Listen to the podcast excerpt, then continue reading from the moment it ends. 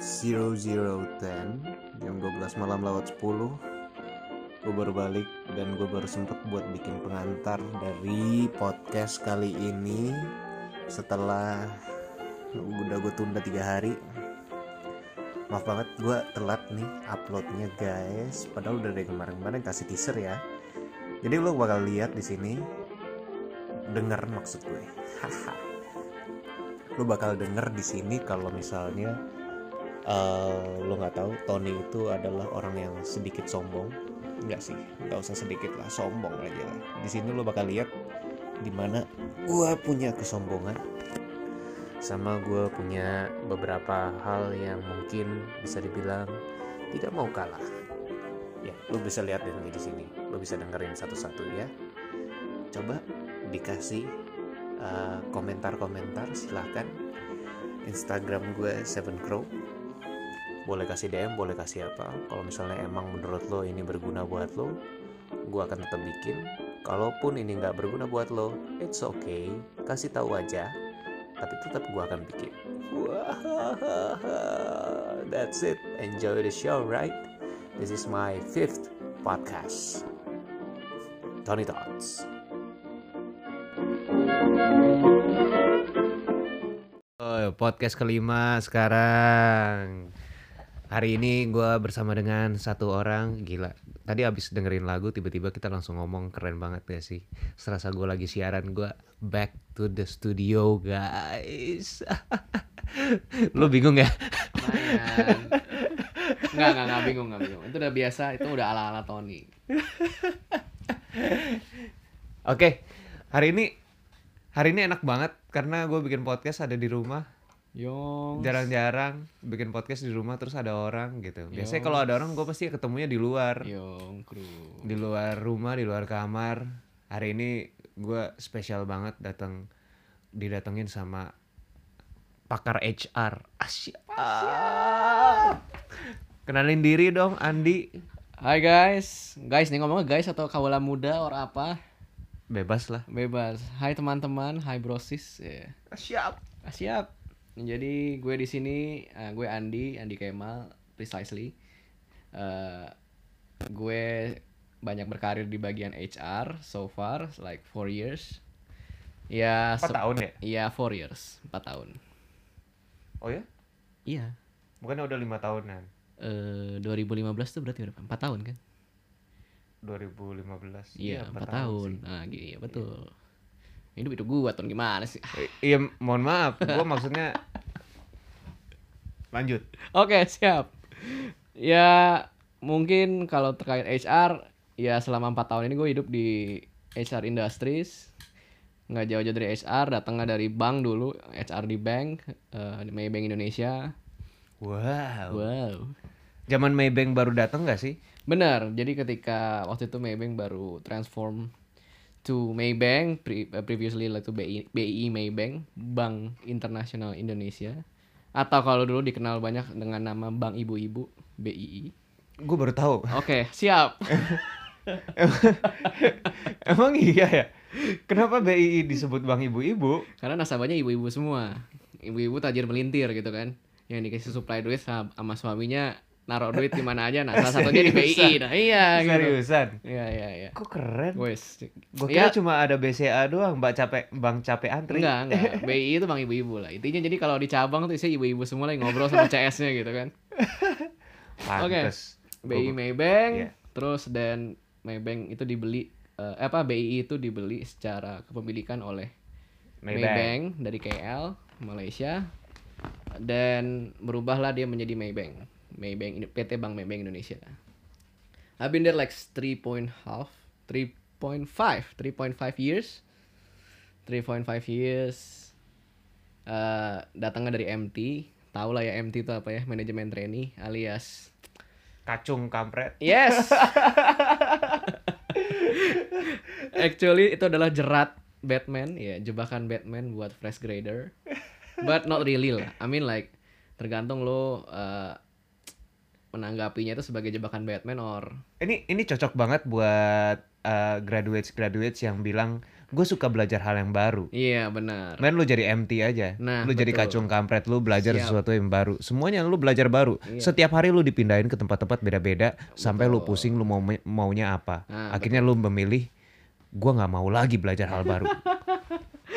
Iya itu benar itu man, itu benar banget mereka. coy benar banget. Jadi eh, biasanya itu yang paling paling normal dari sebuah MT itu mereka diikat. Diikat tuh gimana sih? Jadi kayak Jadi kayak lu punya tali, nah lu terus punya tali, dililitin. diikat gitu kan. Eh, jadi basically sebenarnya itu adalah ikatan kontrak bahwa kita tuh udah dibayarin duit training segitu mahalnya dan dan dan itu benar sih maksud gua training yang diberikan dan pelatihan dan pengembangan yang diberikan emang mahal. Oke. Jadi timbal balik yang diberikan oleh perusahaan itu adalah dia diikat, diikut selama certain period of time. Ada yang setahun, ada yang dua tahun, dan kalau yang di Maybank ini tiga tahun. Oke. Lo kan eh, sebagai eh, mantan MT, Mhm. udah mantan MT MT. Iya. MT MT makan teman. lu mantan M, lu mantan MT nih. Lu lu udah cabut kan dari Maybank. Udah. Jadi lu boleh evaluasi dong. Training lu di MT berguna nggak sih dulu? Eh, kalau misalkan lu masuk ke industri yang kayak bank, eh, MT is eh, the best place to start because you you you will experience uh, the all sector of banking, funding, lending, operations. Ya basically banking kan itu kan tiga hal itu ya funding, Yeah. lending, operations. Ya. Dan semuanya tuh lu pelajarin walaupun di kulit kacangnya. Dan tergantung nanti penjurusan lu gimana dan tergantung juga MT lu nih MT MT generalis yang salesperson doang eh yang, muter ke semua divisi atau yang salesperson doang gitu. Jadi lu belajar kulit kacang, sekarang lu kacang lupa kulitnya ya. Nah gitu, nggak gitu juga bos. Iya iya iya iya. Eh, Ya Seperti itu. seperti itu. Jadi berarti pelajaran-pelajaran yang lu dapetin selama training jadi MT itu semuanya berguna. Eh, jadi kalau yang di Maybank itu MT-nya tuh MT salesperson. Jadi gue terjebak. ya. Oh, karena gue lihat, eh gue berdasarkan gue lihat dari instastory orang ya, Heeh. yang gue lihat dari instastory instastory yang orang-orang yang mereka menganggap yang mereka senang banget jadi MT, Mhm. nggak apa-apa, itu kesenangannya mereka. Yap. Terus kalau gue lihat mereka tuh kayak di LDK waktu SMA, LDK. Oke, latihan dasar latihan dasar kepemimpinan. kepemimpinan, Iya, benar. dikumpulin, abis itu lu Hmm. ngo- lu ngomongin sesuatu, lu disuruh presentasi, Betul. yang menurut gua kayak men bukan Carmen Tony maksud eh maksud gue lo ada di sana cuma buat presentasi doang Aha. Nggak juga sih. Jadi gini, sebenarnya eh, kita untuk tahu belajar sesuatu hal yang paling basic yaitu adalah presentasi yang sebenarnya dari dulu juga udah lo lakukan Enggak, enggak, Di enggak kuliah juga sih. udah. Itu itu gue juga bingung sih kalau soal persepsi orang-orang MT itu presentasi doang itu menurut gue cukup salah. Ini kalau kalau lu mendengarkan story teman-teman lu yang begitu, gue nggak tahu nih kalau story gue nggak kayak gini soalnya. Insta story Insta story Oke mereka oke oke, Insta story siap. Tapi yang gue tahu MT itu adalah anak-anak ini, anak-anak fresh grade ini yang pemikirannya super super unik, super kekinian itu akan dicemplungin ke suatu unit kerja yang isinya kebanyakan orang-orang lama. mereka akan segera di destroy by the system right Iya, jadi mereka diharapkan mendestroy atau didestroy gitu kan. Iya, iya. Ha-ha. Kita sih sebenarnya sebagai penyelenggara MTA kita mengharapkan mereka membawa ide-ide segar ke dalam suatu bisnis proses yang ada dalam unit kerjanya. Dan dan most of the time sih biasanya sih akan menurunkan beberapa ide-ide ya. Ide-ide dan new business proses yang cukup liar dan akhirnya itu akan diimplementasikan oleh unit kerja itu gitu loh hmm. dan sekaligus juga itu belajar sebenarnya tentang unit Ah. kerja itu. gue pengen nanya dong Mm. MT itu waktu lo jadi MT nih ada penyisihan nggak Penyisihan ada. Jadi biasanya konsep MT tuh gini. Yang basicnya itu adalah pendidikan dulu selama beberapa waktu. Nah kalau di Maybank itu dia pendidikan satu tahun. nah Satu tahun eh, yang dibagi menjadi tiga bulan in class. ah. Lu belajar di kelas tiap hari ujian. Literally kayak tiap hari ujian. Wadaw. Serius. Jadi kayak lu hari ini belajar eh, misalkan belajar tentang pinjaman. Terus nanti besok bisa ujian. Oke. Nah, pa- ujian pagi, terus abis ujian belajar lagi. Open book gak? Enggak lah. Enggak lah. Jadi Open gadget gak? enggak juga. Jadi benar-benar belajar, cuy. Jadi selama tiga bulan itu tuh ya kalau yang yang cukup ambisius ya kerjanya tiap hari belajar, cuy.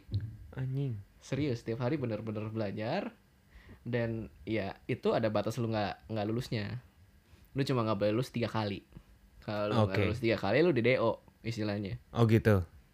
Jadi setelah lu uh, disuruh sharing ide nggak itu yang gila, justru awalnya kita dulu belajar dulu nih oh gitu. Sharing ide itu di akhir, sharing, sharing ide, ide itu biasanya setelah tiga bulan in class Oh. namanya on the job training habis itu Oh. sisanya 8 bulan di cabang atau sisa 8 bulan di unit kerja itu namanya on the job training Oke. nah di situlah lu diharapkan belajar sekaligus berkontribusi Hmm. Tapi lebih tepatnya sih kalau menurut gue eh belajar dulu sih ya setahun pertama karena cycle-nya kalau dalam HR ya ini ini HR basic menurut gue. Kalau misalkan lo dalam hidup bekerja itu cycle bekerja yang paling benar itu tiga tahun minimal. Setahun pertama lo tuh belajar, Mm-mm. setahun kedua eh tahun berikutnya adalah lu berkarya, Mm-mm. tahun ketiga adalah lu memaintain. Oh. Nah, makanya kebanyakan MT itu umumnya tiga tahun. Kenapa? Karena lo tahun pertama lu belajar, Ha-ha. tahun kedua lu berkarya menelurkan suatu produk baru atau suatu bisnis proses baru dan di tahun ketiga lu melihat sustainability yang telah lu bikin gitu apakah sustainable apakah lu bisa maintainnya gitu Konsisten atau enggak, Konsisten apa evaluasi enggak. lagi. betul that's why biasanya sih eh, rumus dasarnya HR dalam bekerja secara period of working itu dalam satu perusahaan yang sama itu tiga tahun Tiga tahun. tiga tahun Jadi kalau lu udah kerja tiga tahun, lu udah bisa cabut. Ah, kalau ya tergantung lagi ya. Tergantung lu ma- masih bisa dikembangkan nggak di situ kalau lu merasa udah cukup stagnan, lu ngerasa semua cycle 3 itu udah lu lakukan dengan baik dan deliverablesnya oke ya nggak ada salahnya lu cabut dari suatu company gitu. Oke. Jadi guys, tidak ada salahnya lu cabut dari satu company. Oh iya betul. Yang gue dapetin coba paling akhir. Oke oke siap siap. siap siap. Jadi begitulah kehidupan MT ya. Ah Jadi iya. sebenarnya MT itu tidak seburuk yang gue pikirkan Tidak ya. seburuk yang dipikirkan. Nah, biasanya ini gue belum selesai sih cerita tentang MT-nya. Jadi eh, ketika lu selesai OJT 8 bulan itu biasanya tuh ada comprehensive test. ODT, O- open, OJT. open. OJT, Bro. Oh, iya. On the job training. Oh iya. iya. OJT. Nah, itu biasanya di akhir OJT tuh lo ada seleksi The Voice gitu lah atau The Voice atau lo This namanya is the men- voice. Eh ya seperti itulah. Seriusan kayak gitu. Kayak mentor kontes gitu, coy. Jadi lu dibak- dipastikan lulus apa enggak. Terus nanti dari lulus itu lu akan di apa ya? Di didatangkan eh, mentor-mentor, calon-calon mentor yang akan mau ngambil lu di unit kerja nanti setelah penempatan 2 dan 3 tahun itu loh. Oh, jadi kayak lu ada di satu tempat, abis itu kayak ada sales, HR, Mm-mm. accounting, Ya, iya gitu. Abis itu kayak, eh ini ada kandidat A, siapa ya. yang mau? Presentasi enggak, bukan kayak di Oh, lelang presentasi. gitu. Mereka presentasi about your achievement. Sepuluh ribu, dua Ya puluh ribu. gitu, Eh, enggak ya? cuy. Iya, jadi biasanya presentasi, jadi kayak nunjukin apa yang lu telah pelajarin selama setahun gitu. Nanti lu akan yang ikut lah sama mentor lu. Nah, mentor lu tuh akan membimbing lu selama tiga tahun ikatan kok tiga tahun total itu ikatan kontraknya. Ah, baik.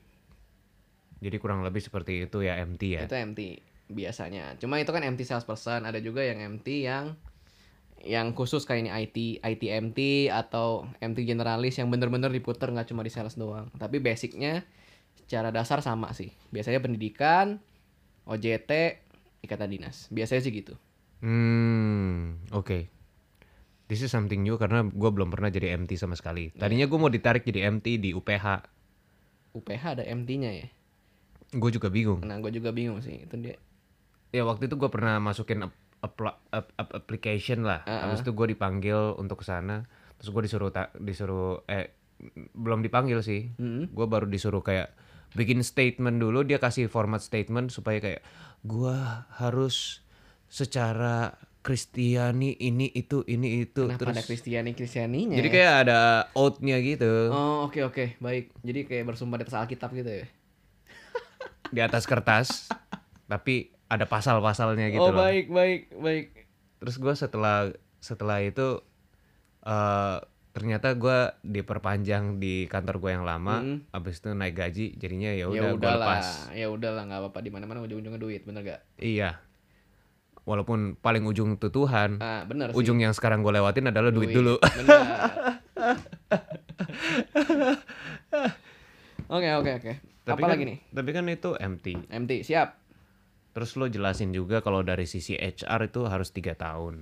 Kebetulan nih banyak teman-teman yang eh, early 20s, abis itu mereka kayak takut kalau pendidikannya mereka tuh nggak cocok untuk kerjaan-kerjaan yang mungkin mereka mau cari. Mm-mm, mm-mm. Paham, paham. Jadi sebenarnya tema kita yang sekarang ini adalah bagaimana caranya menjadi seorang yang valuable Valuable. Oke. di mata walaupun walaupun kita mau bilang di mata perusahaan, Mm-mm, tapi filter yang paling pertama kan pasti HR. HR. Iya kan? Mereka yang akan interview lo, mereka yang akan eh, iyain lo atau enggakin lo atau bahkan mereka yang bawa application lo ke atasan atau enggak gitu.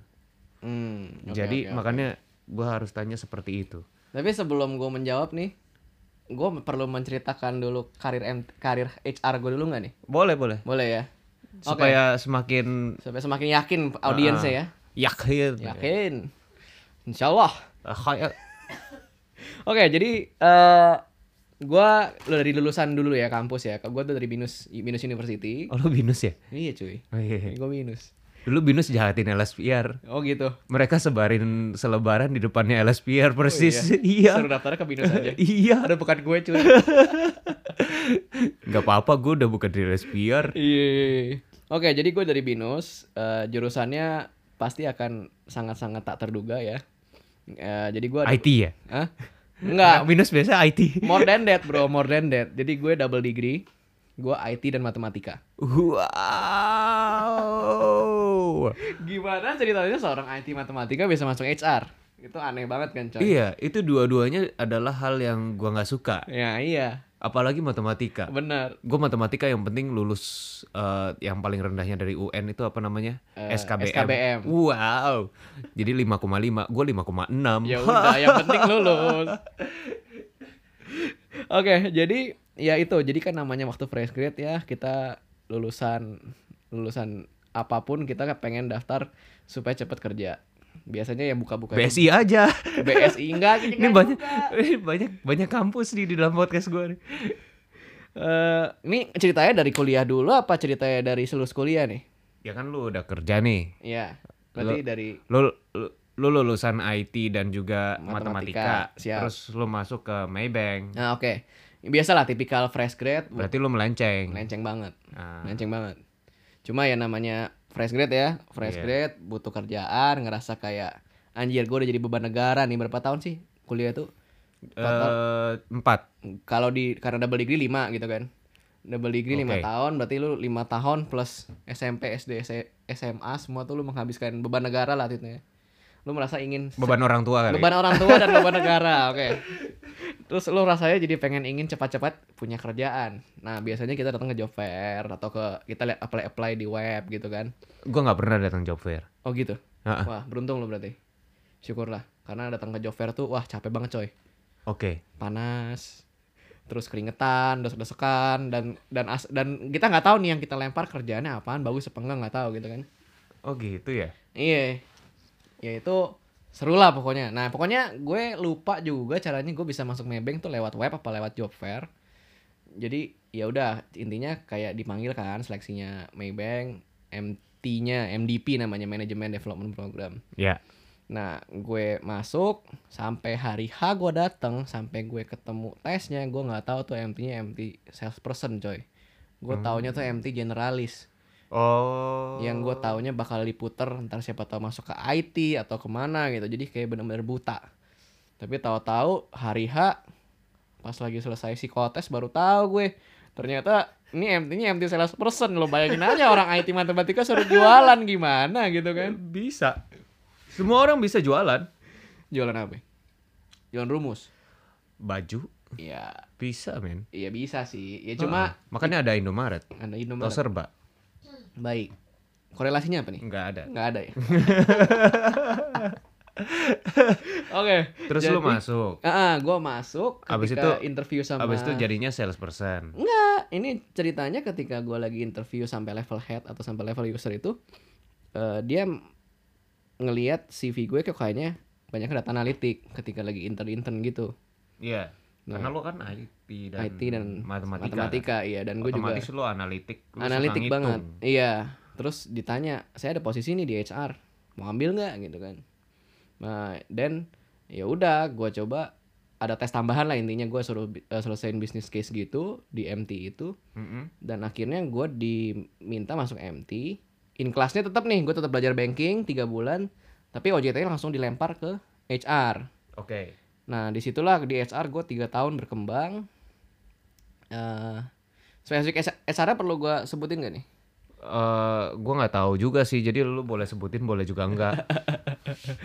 jadi HR lu lu ini lu mau sebutin sertifikat HR oh enggak kan? enggak gue. HR di bagian apa HR-nya bagian apa? Ah, ah. Eh, iya lu boleh jelasin, boleh, enggak? oke Talent acquisition gitu-gitu ya? Eh, enggak gue lebih ke talent management sama LND learning and development Oh, lu jualan artis. Eh, enggak, talent, itu talent manajemen artis lu ton, media beda. Kalau ini gue jualannya adalah talent-talent dalam perusahaan. Jadi kalau talent manajemen Lu harus jelasin dulu Apa? talent dalam perusahaan tuh maksudnya apa? Karena itu bukan terms yang umum lah ya. Umum. Oke oke. Jadi anggaplah gini, suatu perusahaan punya karyawan misalnya sepuluh ribu, sepuluh ribu sepuluh ribunya apakah semuanya ini karyawan gemilang? Enggak juga kan? Kegedean. Misalnya lu di kopi janji jiwa ada tiga orang gitu Oke, misalnya. tiga kopi kopi janji jiwa, tiga orang. Apakah tiga-tiganya ini adalah orang yang benar-benar bisa berkembang apa enggak gini kan? Apa emang cuma nyari duit doang nih? Nah, Iya kan? Nah, kita tuh punya suatu parameter-parameter, punya rumus-rumus yang menentukan bahwa kategori yang dikatakan sebagai talent itu kalau misalkan orangnya mau do more. Kalau misalkan kita kasih suatu eh Kerjaan ya, tambahan. kerjaan tanpa mereka disuruh, mereka akan do more gitu loh. Kayak Hmm. misalkan eh eh, gua analoginya nyuci mobil ya gitu kan nyuci mobil eh cuciin mobil gue dong gitu ini ini jelek banget sih analoginya cuma mungkin gampang dicerna ya, tadi kopi janji jiwa udah bagus. oh gitu tapi Lu jadiin cuci mobil nggak apa-apa, lanjutin aja. ya udah cuci mobil ya karena gue nggak kepikiran lagi kalau janji jiwa juga bingung Iya, iya. nah jadi kalau cuci mobil eh cuciin mobil gue dong nah seorang talent itu akan mencuci mobil itu sekaligus memvakumnya sekaligus dipoles tanpa Oke. disuruh Iya, karena menurut dia bagusnya gitu. karena menurut dia bagusnya begitu dan Oke. ketika dia mencuci mobil dia mera- merasa mobil itu adalah milik dia sendiri jadi Hmm. dia merasa punya belongings about the job Ya. Uh, dia merasa mencintai pekerjaannya Ya. dan dia memperlakukan pekerjaannya itu tidak hanya sebagai tugas Iya, iya, gua ngerti sih. ya kan jadi Karena gue dulu seperti itu. nah bagus berarti lu talent ton Heeh. Akhirnya gue cabut juga. Nah, ya udah bagus bagus juga terserah lu kan kalau misalkan lu mengejar apa ya terserah lu gue gak bisa ngatur ya. jadi simpelnya gitu kalau talent itu adalah do more extra mile kita nyebutnya extra Selain mile. talent apa? Kalau lawannya talent apa? non talent Non talent. hmm, sesimpel itu Itu tumor. oh bener juga ya do more sama tumor boleh boleh boleh boleh ini, ini Tony emang sesuatu sih Lanjut. Ah. Jadi biasa kita akan suatu punya namanya suatu talent map talent eh, peta mappingnya talent dalam suatu perusahaan kita Ini udah buat perusahaan-perusahaan yang udah develop ya berarti ya. Hmm, kalau dari yang skala kecil pun juga udah kelihatan sih mana yang Talent map. talent mapnya ya. Talent Hmm. mapnya ya biasanya kebanyakan perusahaan-perusahaan yang udah cukup established sih. Biasanya kan kalau misalnya kayak kayak segede ini gue buka rahasia perusahaan bodoh amat. Bodo amat. LSPR aja cuma ada KPI Hmm, terus adanya ya mereka cuma ngikutin ISO doang tapi Hmm. kalau talent map gua rasa nggak ada di ISO Nggak ada. Talent map itu itu eh, suatu extra mile lagi dalam suatu Ah. perusahaan. Jadi talent divisi talent manajemen itu tidak perlu ada dalam suatu perusahaan. Cuma Hmm. kalau misalkan perusahaannya memang sudah memperhatikan eh, karyawan itu sebagai capital, sebagai aset, bukan cuma sebagai tenaga kerja, mereka sudah semestinya harus mempunyai talent map, Ya. talent management.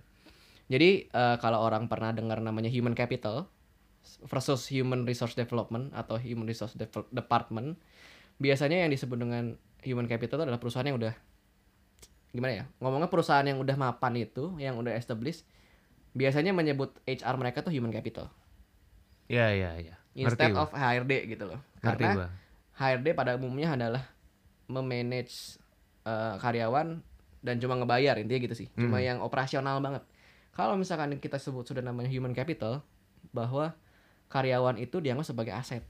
Ya Iya. aset yang bisa dikembangkan yang bisa memberikan additional revenue kepada perusahaan. Ah, ah, analoginya seperti gini.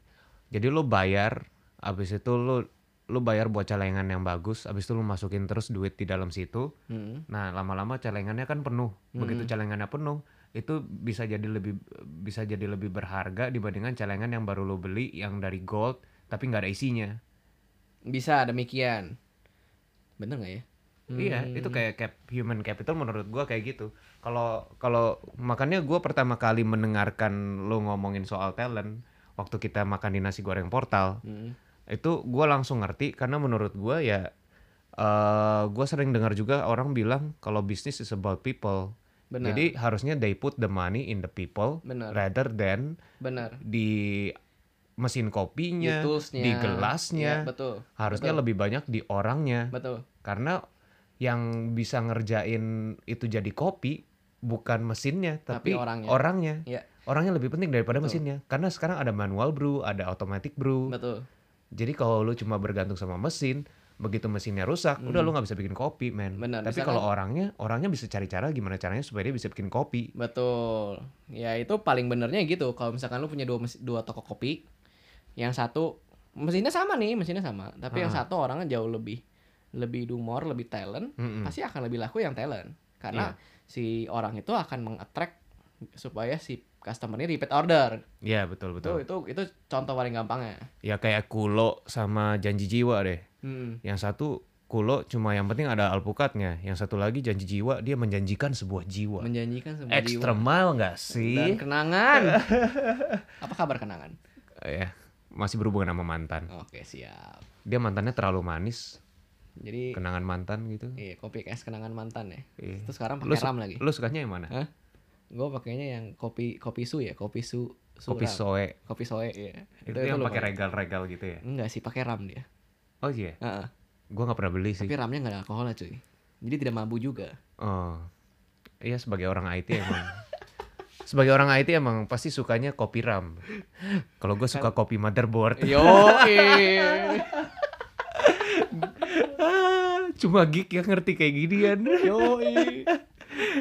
Back to HR. Eh ya, tadi nyampe mana gue? Oh iya, jadi talent. talent. Ya itulah tentang talent ya. tentang talent, Ya. benar. Makanya makanya kalau lo masuk ke satu perusahaan, Mhm. terus lo lo udah selesai nih, begitu masuk nih day one, Mhm. lo cari, eh di sini divisinya HR atau human capital? Kalau dia bilang HR, cabut. Ya enggak gitu juga. Berarti dia underdevelop. Gak juga, gak juga cuy. Eh apa ya? Ya enggak juga sih. Maksud gua enggak se Nggak gue bercanda sih Iya, sebenarnya. iya paham. Cuma tapi analogi bahwa human capital itu adalah yang udah established nggak selalu. Kadang-kadang SRD, HRD, HRD juga udah ada yang talent manajemennya. Iya iya. Tapi biasanya kalau HRD, Di LSPR enggak. iya biasanya. Saking gedeknya gue sama tenang, nggak usah ngomongin orang. Biasanya kalau yang di HR biasa, talent manajemennya digabung sama bagian eh, OD. OD itu apa ya? Udah dive. Organization structure. gue taunya itu dive center. Enggak, cuy. Oh, digabung sama komben, di- sama compensation benefit. Jadi Oke. eh yang ngitung dia gajinya lebih mahal aja itu cuma orang-orang berdasarkan apa ya berdasarkan angka ngomongnya gitu loh Orang-orang berdasarkan angka. Orang-orang matematika kayak lo dong. bukan gimana ya gue jelasinnya kayak kalau misalkan dia Orang-orang kepercayaan.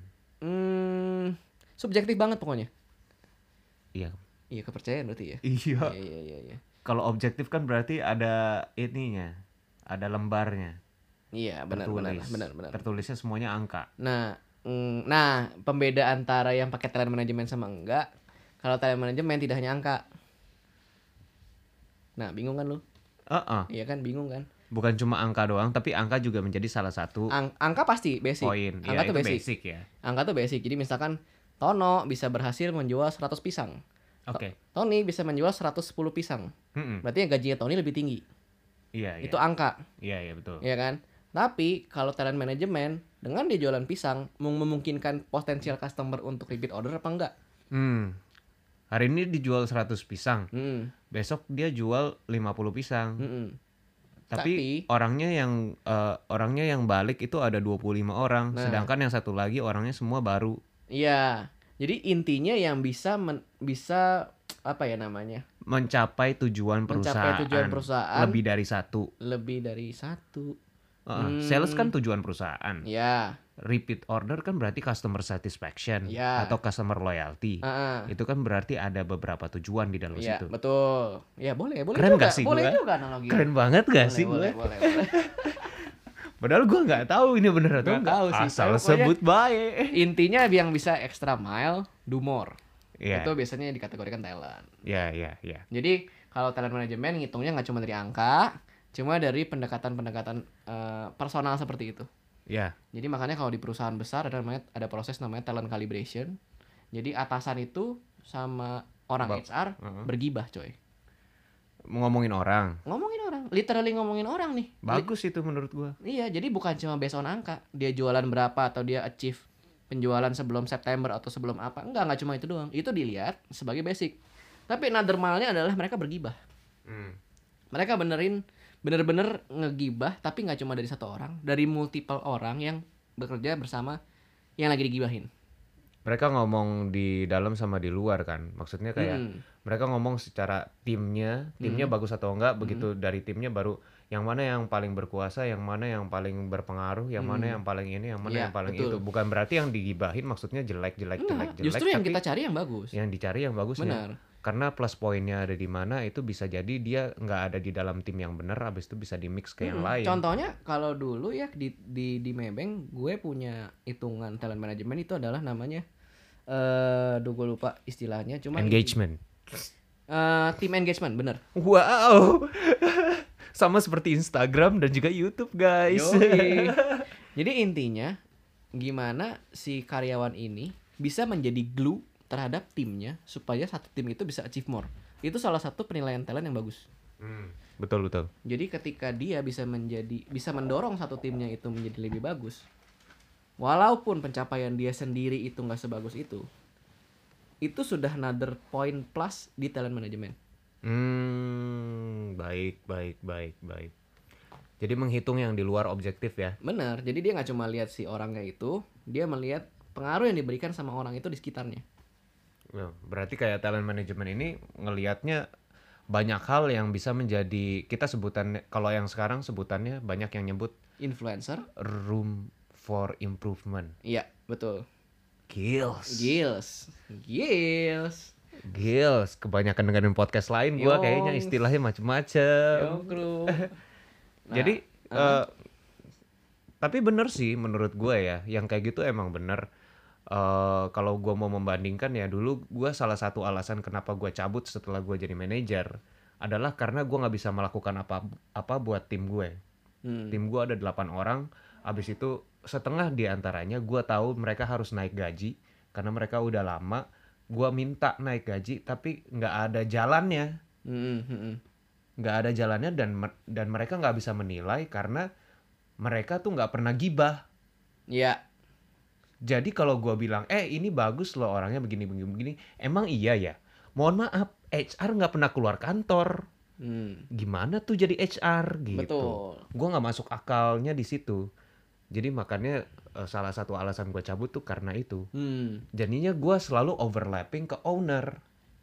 Dan sebenarnya kan Nggak boleh gitu harusnya. sebenarnya emang nggak boleh. Nggak Tapi boleh. karena ada jalannya jalannya selalu ke situ. Hmm. gue merasa jadinya gue kayak oke gue jadi anak nggak tahu diri gue udah cukup jadi anak nggak tahu diri gue cabut aja Hmm. mendingan gue nggak tahu diri sekalian dua. 20 kali lipat nggak tahu diri udah udah dinaik naikin sama owner abis itu gue cabut Iya, iya, mohon iya. maaf Sebenarnya kalau di HR ada satu fungsi namanya HR HRBP alias HR Business Partner. Itu tujuannya adalah perpanjangan tangan dari eh, HR sendiri untuk mengetahui yang begitu-begitu.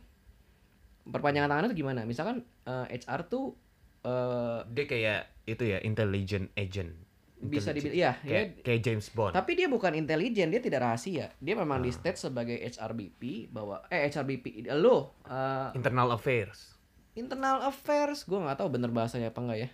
kan kalau gue nonton di film-film detektif tuh Hmm. CSI gitu biasa ada internal affair yang eh lu agen lu anjing agen gitu Hmm, kayak, bisa ya, bisa kali ya. asu bukan anjing Jadi si HRBP ini ditaruh di unit kerja. Tugasnya adalah perpanjangan tangan HR. Tugasnya adalah Ya. mendengar di unit kerja performanya gimana.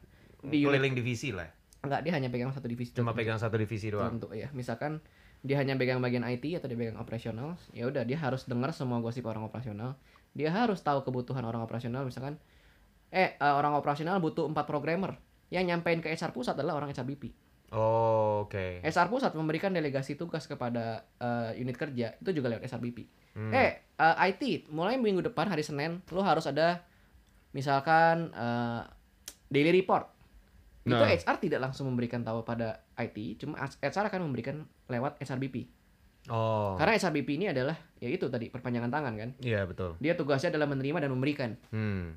Supaya HR pusatnya bisa jadi gurita. Tangannya ada banyak. benar HR yang udah established atau HC yang udah established biasanya akan mempunyai HRBP itu udah udah udah umum banget eh, praktek HRBP itu ada jadi ya ya itulah mereka yang kalau misalkan talent manajemennya udah jalan mereka yang bergibah Hmm, hmm, betul mereka sih. yang ngegibahin orang IT yang di ujung sana beneran jago apa enggak untuk ngasih tahu ke orang HR pusat orang Iya. HR pusat mau promosi kan nggak tahu apa apa tentang orang IT yang di ujung sana Iya iya, benar juga. Ma- Masuk akal juga. Maksud gue juga setelah gue dengar-dengar juga emang jadinya gue tahu oh alasan kenapa HR gue nggak pernah keluar dari kantor tuh karena emang mereka kurang orang. Dan mereka nggak ada SRBP-nya dan mereka nggak mereka nggak mau minta jadi HR tuh HR tapi nggak mau minta tambahan gitu loh. Jadi dia nggak jadi dia sebenarnya nggak bu- dia butuh tapi dia nggak mau minta. Jadinya gimana ya? Jadinya kode-kodean. Hmm. mohon maaf nih sama relationship yang bagus aja kode-kodean nggak bagus benar, benar. nih kalau nah itu ada yang itu ngomong. itu salah satu apa ya salah satu salah culture. satu alasan kenapa lu nggak pacaran? Ya nggak juga coy. Anjing kenapa jadi personal banget cuk namanya podcast gak boleh serius-serius amat. serius banget ya. Oke oke siap siap siap. Ya itu again itu adalah salah satu ciri-ciri bahwa tempat kerja lu udah nggak sehat aja sih menurut gue menurut gue ya. Ya yang penting guanya sehat. Oh iya yang penting kita sehat. Pak yang penting sempurna ya. yang penting uangnya sehat. Nggak sehat. Boy. hiburan sehat. Oh iya, oh iya jelas. Of course. of course. Eh, oke sampai mana kita tadi? Ya ini limitnya berapa lama nih Ya terserah gua berapa lama Landi. oke oke oke Santai soalnya gue aja. takutnya gue terlalu bawel nih Enggak, enggak, enggak, enggak. Justru gua seneng mengundang teman-teman gua yang bawel. oke kalau nggak Jadinya orang-orang pada tahu. Oke oke siap siap. Nah, Andi, kan Hmm. lu tadi baru jelasin kalau lu cuma di Maybank habis itu lu udah cabut. Hmm. Oke, enough lah tentang MT dan juga tentang talent management system. siap. Gue udah sering lah berhubungan sama talent management. Oke siap. Sekarang berpindah, sekarang lu ngerjain apa sih, Andi? Oke jadi been three and a half years in Maybank, gue decide gue udah cukup belajar. Hmm. Gue Eh, gue seneng sama alasan lu kenapa lu cabut. oke Eh, alasan gue cabut. Jadi ketika gue cabut itu eh, sebenarnya gue lagi mendapatkan full support. Ya. Jadi ini gue bukannya bermaksud sombong, cuma gue masuk Tapi kategori gua emang sombong. cuma gue berkilau. Sunlight, Sunlight, guys. Eh, j- Oke, jadi ketika itu gue udah masuk kategori talent. Di, Hmm. Jadi sebenarnya talent, eh, back again talent itu sebenarnya, Karena lu HR-nya jadi lu tahu kalau lu Iya. sendiri HR, eh, lu, lu sendiri talent. ya betul. Jadi basically talent itu tidak disebar kepada karyawan. Oke. Talent class itu tidak disebar oleh karyawan. eh, tapi kita akan memberikan perlakuan yang berbeda kepada karyawan. Training lebih mahal, atau kita diberikan eh, tugas-tugas atau job-job yang lebih bagus dari daripada biasanya lah intinya. Walaupun sesama. Dikasih beasiswa S2. Bisa, bisa. Habis itu gua tolak. Ya bisa juga itu salah satu Boleh beasiswa S2-nya nggak harus ada di kampus yang itu juga, boleh pilih kampus. betul Tetap gua tolak. bener. Soalnya biasanya perlakuan kayak gitu tuh gol- golden handcuff. Jadi lu dikasih dikasih lebih tentang itu, cuma lu harus mengabdi lagi nih sama Maybank atau Iya. mengabdi lagi sama tempat lu. Ya, gitu. karena setelah gue hitung, eh, mohon maaf nih, lima tahun kayaknya waktu gue lebih berharga dibandingkan betul. gue di situ cuma dapat S2 doang. Mendingan Betul, gue bayar betul, S2 sendiri gitu. Betul sekali, jangan kelamaan guys. ya, oke. jadi waktu itu gue lagi udah udah udah tahu gue masuk kategori talent dan gue lagi dapat full support. Gue juga lagi megang tim yang udah oke. Ya dikasih percayaan lebih lah sama direkturnya juga udah. Mm-mm. Dan gue udah bikin beberapa produk yang fondasinya udah bagus nih. Jadi Ya. gue ngerasa uh, the best time to leave is when everything is good. When nilai, when lu lagi oke-okenya. Jadi ketika lu cabut, lu nggak menimbulkan apa ya? nggak eh menimbulkan masalah. tidak menimbulkan tidal wave, Iya, bisa dibilang demikian. tsunami. Betul. Ya tsunami tapi anyway pasti akan terjadi sih. Maksudnya ketika lu meninggalkan suatu perusahaan, apalagi perusahaan eh apalagi perusahaan itu lu ada kerjaan yang penting, role yang gede, pasti akan terjadi. Cuma gimana lu ngaturnya supaya lu bisa handover ke orang baru, lu, lu bantuin cariin orang barunya, Ya. lu develop dia dan kemudian pindahlah gitu. Ya. Jadi ketika misalkan nasib lu buruk di masa depan, lu masih punya hubungan baik nih dengan perusahaan lama lu, Betul betul. Ketika lo butuh duit, butuh makan, butuh kerjaan, lo bisa minta lagi nih sama orang yang lama. Mereka juga masih ingat bahwa lo berprestasi baik. Masa iya nggak gue bantuin, nggak gue kasih kerjaan. Iya. Dan bahkan lu nggak usah minta aja kalau mereka tahu kalau lu tiba-tiba eh ton lu sekarang di mana? Gue freelance. Hmm. Dia akan langsung manggil lu cari-cari kerjaan buat ditawarin ke lu padahal sebenarnya belum tentu ada. Yap, betul, sangat betul sekali. Gila. Makanya gue bilang gue suka banget sama alasan kenapa lo cabut karena sebenarnya sama kayak gue. Gue juga merasakan gue bukan harus cabut di saat Kebakaran. perusahaan itu jelek, Mm-mm, tapi gue harus cabut di saat perusahaan itu bagus. betul. Karena kalau perusahaan itu bagus, ketika gue cabut, begitu gue keluar ke tempat lain, eh kok lu cabut perusahaan lu bagus loh, dibandingkan eh lu cabut kenapa? Iya, Karena perusahaan gue kolaps gitu karena kan. tim gue jelek-jelek semua, Hmm. berarti lu juga termasuk dong jelek. Iya, benar, benar, benar. Benar banget. Kenapa lu ada di tim yang jelek, abis itu lu nggak bisa bikin itu bagus? Berarti lu juga Betul jelek. banget, betul banget. Tenang, cara pikir gue sama kayak cara pikir HR. Eh gue pernah lo nggak, gue di interview sama HR, abis itu gue gue yang balik nge-interview dia, terus gue tahu jadinya perusahaan itu jelek. Oh iya, Ha-ha. wih, boleh juga loh. Ini ada di boleh disinggung nggak nih siapa? nih? Shopee. Oh Shopee. Oh iya sih Shopee sih emang lagi keterlaluan sih. ya oke, balik Jadi deh, balik, balik, jadinya balik. dia nggak manggil gue lagi. Oh, Padahal gitu. sebenarnya gue udah, eh ya udah sini gue bantuin gitu loh. Mhm. Orang dia cuma sendiri gitu, dia project manager. abis Iya, itu- iya, iya. Tapi kalau dia nggak manggil lagi ya sudah lah Ya ya. sudah lah. Kita sudah menawarkan diri, kita sudah berusaha untuk baik. Dia lagi overpopulated itu. Iya ya. Overpopulated dia telah uh, to mass hiring dia. Apalagi dengan Korean Korean ikonnya Hmm. dia yang sekarang apa G G G G friend girlfriend Gua nggak tahu, cuy. apalah itu Nggak ya Gua gak punya Shopee di HP gue. si apa yang kemarin pemain bola itu siapa namanya Ronaldo. Ronaldo Iya. Ronaldo aja disuruh ngomong enam bahasa atau tujuh Iya, bahasa gila, gitu Nggak ngerti gue. beli di Shopee nih gue promosi ini gue bantuin lo Shopee beli di Shopee ya kan? kayak gitu-gitu kan dia buang duit banyak Benar. banget men Benar, benar, benar. Gue juga masih belum ngerti sih sebenarnya bisnis model mereka gimana. terus mereka tuh udah banyak banget buang duit tapi gue tetap nggak punya eh, Keinginan, Keinginan untuk belanja di Shopee ya. menggunakan Shopee Bela- apalagi belanja gitu Iya, loh iya, iya, iya. walaupun gue lihat nih oh barang cuma ada di Shopee ah males ah gue pakai Shopee mendingan gue beli di toko offline Nggak, Tokopedia juga enggak. gue pakainya Tokopedia doang Oh iya, gue juga pakai Tokopedia doang. gue nggak pakai yang lain kemarin aja gue bilang sama Demas di kan Demas kerja di Lazada Iya. terus gue bilang sama Demas Dem gue nggak pakai Lazada loh Terus terus. gue nggak pernah niat punya punya Lazada ya nggak apa-apa kok santai aja katanya dia gitu mungkin dia yang penting gue bisa nikah tahun ini gitu Oh iya, iya sih. So, mereka mereka berani untuk bayar gede gitu. iya tapi gitu Hmm. maksud gue kalau gue cabut ketika saatnya ya lagi baik-baik Hmm. jadi gue masukin nih 8 orang set timnya udah ada yang ngerjain e-learning udah ada yang ngerjain ini udah ada yang ngerjain ini siap gue cabut Boleh. Iya iya maksud gua kalau dipikir-pikir sih emang nggak tahu ya ini mungkin tapi gua lihat sih kayaknya the best way untuk cabut ketika lu ngerasa udah belajar cukup, lu ngerasa udah berkembang cukup, lu udah menuhin tiga cycle utama yang tadi gue bilang di awal, itu saatnya lu belajar hal baru. Ya. Karena eh, percayalah kalau lu udah di tahun ketiga, lu akan menemukan comfort zone biasanya. Ya gue udah comfort zone banget di, Bener. sampai tahun kelima Benar. Jadi lu akan lu akan tidak sadar lu akan melambat. ya Lu akan progress development lu akan melambat. That's why gue memutuskan untuk gue cabut. Iya. Jadi gue cabut ke Deloitte.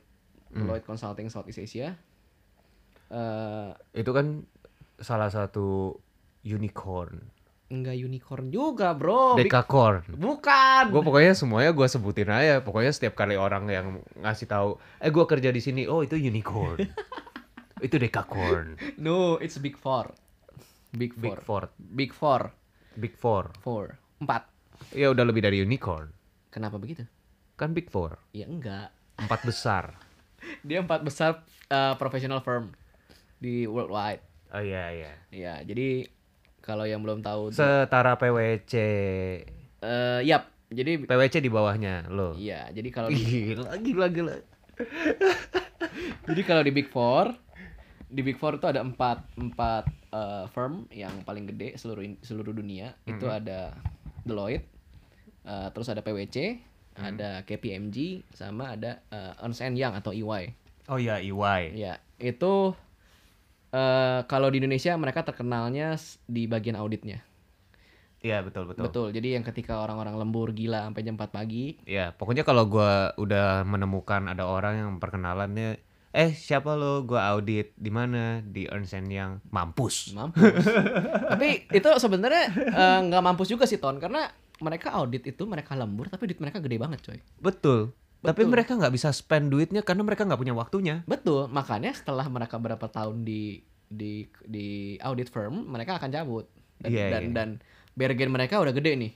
Iya, karena iya. mereka duit duit bulanannya tuh udah wah gila dah kenceng banget cuy. Betul jadi- juga sih Jadi berakit-rakit ke hulu benar, capek-capek dulu nih di pertama kan. berenang-berenang terus kelelep Kelelep. kurang tidur soalnya Iya, karena mana bisa mati juga coy. bisa hepatitis atau liver atau apalah nggak tahu lah pokoknya. tipes, tipes Tipes, tipes yang paling dulu. sering adalah tipes Hmm. lu kerja di PwC lu kerja di Ernst Young men pasti gue setiap kali lihat weh tipes pasti Sudah tipes biasa gitu. tipes udah biasa Sudah biasa. mohon maaf nih gue sampai sekarang umur segini gue masih belum pernah kena tipes kenapa lu tipesnya biasa? Eh, biasa. Karena mereka ya, ya wajar sih kalau audit itu emang gila banget coy. Lu kerja bisa jam 2 gue kerja kok di audit auditorium. Baik, siap. nih jangan sampai teman-teman LSPR denger nih. Oke, oke. gue kasihan mereka abis itu langsung skip. Udah gue nggak mau denger lagi namanya podcastnya Tony. Tenang. Ya lanjut nih. Lanjut ya. Ah, ah, Jadi, audit. out- eh, jadi si, si si si Big Four ini terkenal di auditnya. Tapi Iya. sebenarnya berarti Deloitte juga termasuk juga terkenalnya terkenal di di, audit. auditnya betul. Sempet kemarin kasus juga juga kasusnya di audit. Cuma sebenarnya tempat gua kerja itu di manajemen manajemen consulting. Manajemen consulting itu daerah kompetitornya kalau misalkan orang-orang yang ngerti banget konsultan mungkin tahu McKinsey tahu BCG tahu Bain atau istilahnya MBB nah itu adalah MMBB MBB Ah. Eh, McKinsey eh, Bain sama BCG nah Ah. itu itu adalah eh, gue taunya BCG BCD enggak BCD itu alat buat dive coy iya Jadi eh is- manajemen tapi dari itu semua Hmm? gue nggak tahu sama sekali sih. sama sekali. tapi gue pernah dengar McKinsey Iya, mungkin dia mungkin dia terlalu dekat sama McDonald McDonald sama KFC juga ya. Ah, ah, jadinya gue kayak oke gue pernah denger gitu padahal sebenarnya enggak gitu jadi gue jarang banget dengar-dengar yang begituan Ya, gue juga sebelumnya nggak pernah dengar sih tentang manajemen consulting ini. oh berarti kita sama Betul. Jadi gue tahu ketika gue masuk ke Deloitte. Jadi Aha. Deloitte itu adalah number 4-nya di eh, manajemen consulting. Dia Hmm. number 1-nya di Big Four, Mhm. tapi dia number 4-nya di eh, Manajemen consulting. Iya. BCG itu Boston Consulting Group kalau kalau kepanjangannya ya. ya ya Ya pokoknya eh manajemen consulting tuh ngapain sih? Intinya tuh adalah dia eh memberikan jasa konsultasi terhadap bagaimana memanage orang, ya memanage suatu perusahaan atau memanage suatu project. ya eh pokoknya berhubungan sama manajemen betul sekali. Gue perlu balik dulu ke konsultan itu apa nggak? nggak usah Nggak usah. nggak usah Oke. Jadi sekarang gue di Deloitte di manajemen consulting. kalau nggak ngerti mereka konsultan itu apa lu tahu konsul nggak Mm, konsultan. lu tahu tahun nggak coklat kan Iya. gitu dia Gak suka lu tau. lu ngomongin coklat Jadi gimana nih? Perlu gue jelasin? nggak usah Nggak usah. Oke. mereka siap. tahu konsultan itu apa Konsultan itu apa? Oke. mereka punya Google di masing-masing handphone Siap. Jadi gue sekarang di uh, manajemen consulting khususnya di bagian uh, workforce transformation. Ah, Wih, apa tuh gitu kan? Kayaknya susah banget kedengarannya. Workforce transformation itu adalah uh, bagaimana mempersiapkan suatu karyawan biasanya sih si level biasanya itu uh, direktur minus one punya level SVP lah oke Mm, itu director minus one level level iya jadi direktur di nih bawahnya direktur ya Persis. uh, betul Jadi tugasnya kita tuh Sekretarisnya direktur dong. Ya enggak.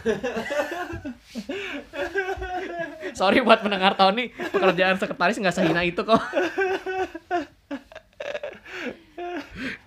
Iya, jadi eh, kerjaan gua adalah gimana caranya kita menyadarkan si eh, orang-orang jagonya perusahaan ini supaya mereka eh, future ready. Wah gila, future ready itu apaan? Keren banget kan. Hmm. Future Ready ready di feature sama majalah. Oh iya, boleh. Feature-nya bukan feature, bro. Future. Oh iya. Masa depan. Ready terhadap masa depan. Siap. Nah, jadi lu mempersiapkan mereka untuk nikah. Hmm, enggak sih itu itu bukan konsultasi. Menikah dengan perusahaannya. Enggak juga Oh, enggak tuh. juga. Mereka sudah menikah lama dengan Iya, perusahaan. sudah, sudah. Biasanya ya iya 20 tahun, 25 tahun kan. Cuma permasalahannya dia punya selingkuhan atau enggak kan? Hmm, Kenapa kita menjadi pergi bahan asmara ya? ya lanjutkan di udah cukup gua intermezzonya. Nah, oke, jadi eh, future readiness tuh gimana? Ketika contoh paling gampangnya gini.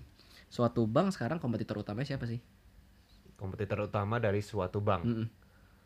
Eh, le- eh, kreditur Enggak, bukan Gojek. e-commerce. Gojek, Gojek doang. Gojek, OVO, Oh maksudnya e-payment. E- E-payment. E-wallet, e-wallet. Tapi kita bukan ngeliat e-walletnya, tapi eh, siapa di balik e-wallet itu? Sebuah perusahaan taksi, sebuah perusahaan ojek itu bisa menjadi kompetitor sebuah bank. Salah, gue mau bilang Gojek itu bukan perusahaan ojek. Gojek itu adalah perusahaan yang memanage aplikasi. Betul. Sekarang mereka udah super app. Iya, Mereka sudah mereka klaim kalau mereka itu super app. betul dan gue tidak memungkiri itu.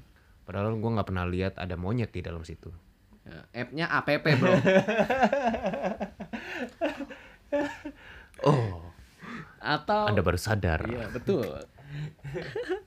ya jadi gini, sebuah bank pernah kepikiran nggak sih sebuah sebuah startup gitu tiba-tiba bisa lebih lebih dicintai ke pengguna untuk naruh duit di sana gitu kan? Nggak Iya, betul juga Iya sih. kan? Taruh duit di GoPay. Lu lebih sering lu lebih sering apa ya? Belanja di kantin menggunakan debit lu atau menggunakan GoPay. Itu udah indikator paling gampang tuh. Iya betul sih. Iya kan? Ah. Padahal bagi sebuah bank perputaran uang yang kecil-kecil itu paling guna tuh, paling paling paling matters tuh. Betul. Per transaksi. Transaksinya itu kan ada fee based income tuh kan. Iya.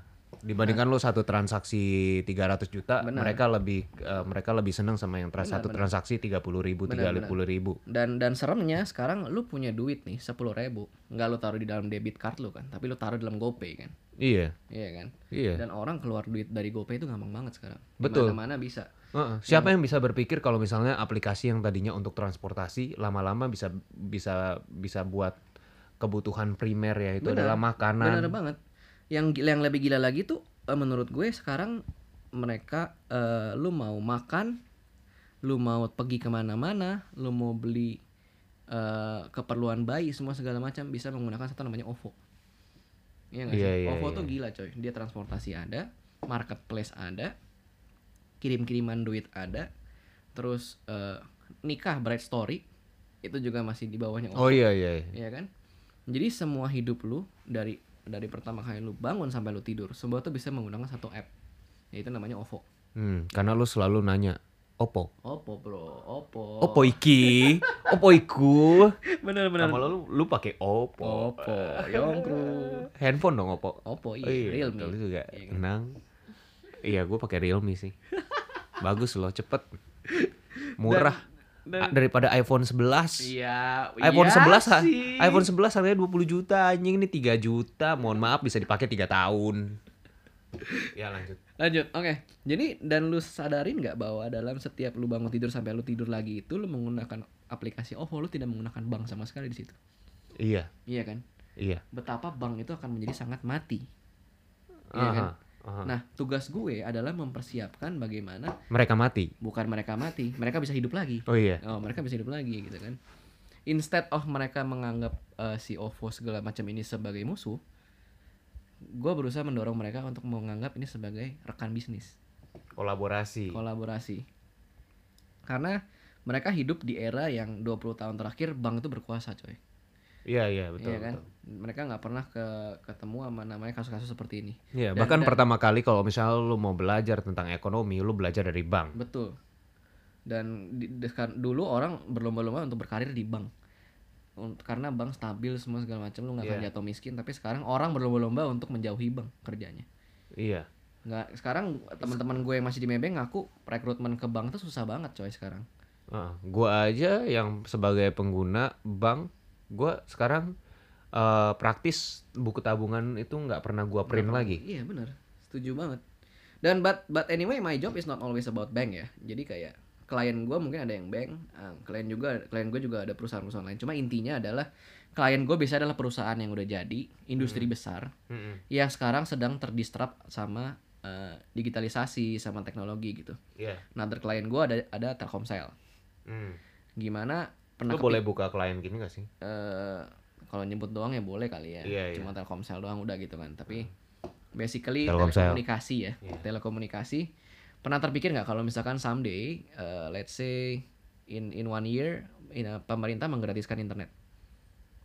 Terus itu Oke. Telkomsel dapat duit dari mana? Telkom dapat duit dari mana? Betul, Iya kan? betul. Itu disruption kan. Ha-ha. Makanya mereka em, mereka membuat sedemikian rupa limit-limit kayak speednya di limit. Mm. Padahal sebenarnya kan mereka bisa pol-polin aja, abis itu lu kasih aja harga paling tinggi untuk bisa eh, high speed internet. Mereka tuh sebenarnya ngedistrap koneksi internetnya. Ya, ya sudah nggak apa-apa, tinggal di lap. Stop. Ya, kita lanjutkan dikit. Tadi ada yang tumpah. Lanjut. Iya, oh, jadi sebenarnya intinya adalah mempersiapkan semua klien-klien gue yang biasanya perusahaan gede yang udah established untuk tetap stay hidup eh, nggak mati di, dimakan sama zaman. Jadi gue mengajak klien-klien gue berpikir secara startup.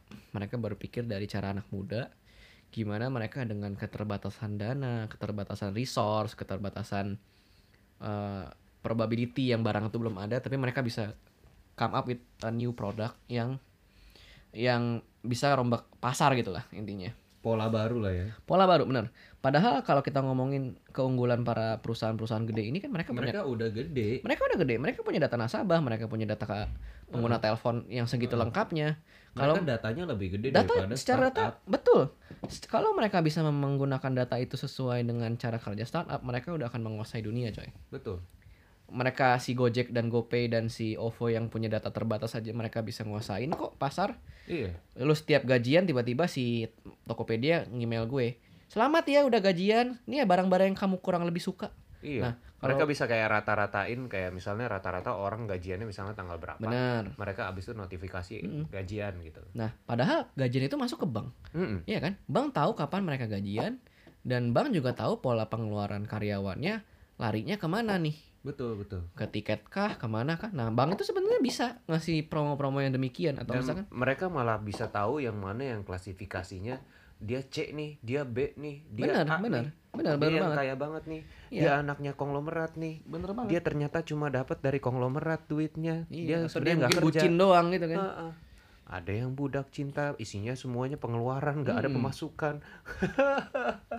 itu kan semuanya ada pola-polanya begitu ya. Iya, dan itu cuma bank. Kalau misalkan Telkom atau Telkomsel atau misalkan telekomunikasi, dia tahu semua eh, percakapan, dia tahu semua eh, apa ya nomor orang, alamat, data diri semua tuh kan lengkap, ya kan? Iya betul. Kalau misalkan bank itu bisa si si si bank lagi apa sih Si si, tel- telekomunikasi ini tuh bisa Telekomunikasi. Bisa dijadiin kayak OVO, orang kirim-kirim duit kan bisa lewat HP. Kenapa Iya. mereka nggak lakuin itu? Iya Iya kan? lewat what what eh, bukan lewat SMS gitu. misalnya. Iya, misalkan dikirim rekening HP atau apa gitu kan. Mereka secara infrastruktur mereka kuat, paling kuat. Kalau OVO eh, servernya down atau Gojek servernya down ya wajar gitu kan. Cuma kalau Iya kayak server Genius kemarin. Iya, kalau misalkan kayak bank itu kan udah kaya banget dan servernya gede-gede kan. Iya. Kayak nggak mungkin lah gitu. Jadi yang gue lakukan adalah Contoh powernya aja itu sebenarnya kayak PLN. PLN itu kan kuat banget. Hmm, Sampai dia paid promote-nya dia tinggal matiin lampu. Habis itu semua orang bilang PLN, PLN langsung nomor satu. Langsung semuanya ngomongin PLN. Berarti kan semua orang tahu kalau listrik di Indonesia PLN. Dia dia sebenarnya lagi promosi menurut gue. benar, benar banget. Jadi kayak ya gimana eh, tugas gue adalah mem- membuat mereka sadar bahwa mereka tuh secara database kuat, tapi mereka idenya dikurang nih. Iya. Jadi ya itu yang gue lakuin di Lloyd. tuir. Tuir. Ya benar juga sih. Kalau kalau kalau kayak Gojek dan lain-lain mereka bukan Bukan muda. bukan mereka too weird Too weird. boleh, Terlalu boleh, aneh. Boleh, boleh, boleh. ya, that's why uh, kenapa dari HR bisa di consultant workforce transformation ya sebenarnya it's about people again. Again it's about people. Again it's about a ngajarin. Ini ini sebenarnya uh, ngajarin atau mentorin? mentoring bener. Ngajaring Mentoring. mentoring uh, L&D lah learning and development. Jadi sebenarnya masih bagian HR jadi bisa lucu dibilang ya sudah sekarang bukan research and development lagi tapi learning and development. Ya betul. L&D Hmm. Jadi gue masih masih bisa dibilang HR consultant, tapi khusus bagian L&D, L&D yang future readiness gitu. Oh, oke oke oke. Ya, silakan yang mau kontak yang selalu ngelihatnya ke pas ke masa lalu mau diredikan untuk masa depan, silakan kontak Siap. ke Apa nih? Andi. Iya, ya. Karena dia single jadi dia future ready. ah, bisa, bisa. Siap. Ah, itu kan sedikit tentang lo sama yang lo kerjain. Mm. Lo sekarang ada di develop di menurut gua company yang sangat develop Big Four. Betul. Gue punya gue punya pertanyaan lagi ke orang lain nih abis ini. Selain unicorn itu unicorn ya? Itu dekakorn ya? Itu big four ya? Hmm. kalau nggak ada semua berarti udahlah nggak usah jadi narasumber gue tenang nggak gitu.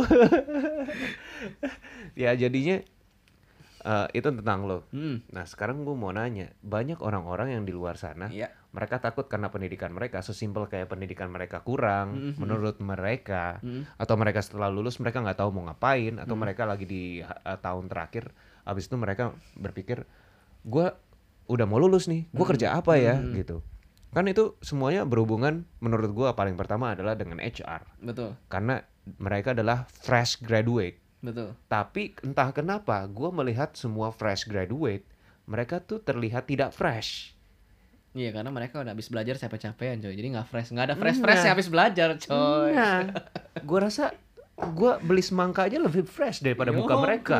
Eh lu tahu gimana cara menentukan semangka yang basah dan sedikit biji nggak? Ini, ini agak intermezzo Nggak bisa gua. Gue juga nggak tahu sih. Kalau ada yang tahu kasih tahu gue dong gitu. Eh, Gak bisa gue. gue cuma bisa dari tulisannya doang. Semangka yang tanpa biji, oke gue ambil gitu. Tapi biasanya kalau semangka gue ada biji nggak ada biji bodo amat sih. Yang penting berair kan. Yang penting warnanya merah. Kalau warnanya kuning kadang-kadang kurang manis. Oh kurang manis. Oke oke oke. Eh balik deh balik balik. Ini terlalu melenceng. terlalu melenceng. Groceries gue ya. Makanan gue soalnya cuma semangka sama melon. Iya sama-sama watermelon. Beda dong. Oh enggak ya satu melon satu watermelon. Oke oke. Iya, gitu. Iya, Dua-duanya sama-sama manis dan ada teksturnya. Sama pir lah, sama pir. Boleh boleh boleh. Karena gue udah bosen sama apel. Nah, jadinya gimana menurut lo, Ndi? Orang-orang yang kayak gini, gimana caranya bikin mereka itu ngerasa kalau mereka tuh sebenarnya valuable? Karena Valuable. menurut gua banyak yang nyanyi fresh graduate, tapi biasanya HR HR yang uh, mempublish artikel ini, mereka gua rasa agak-agak sinting. Karena mereka eh fresh graduate diterima, tapi mereka minta pengalaman 2 tahun. Fuck. Dari mana datangnya itu?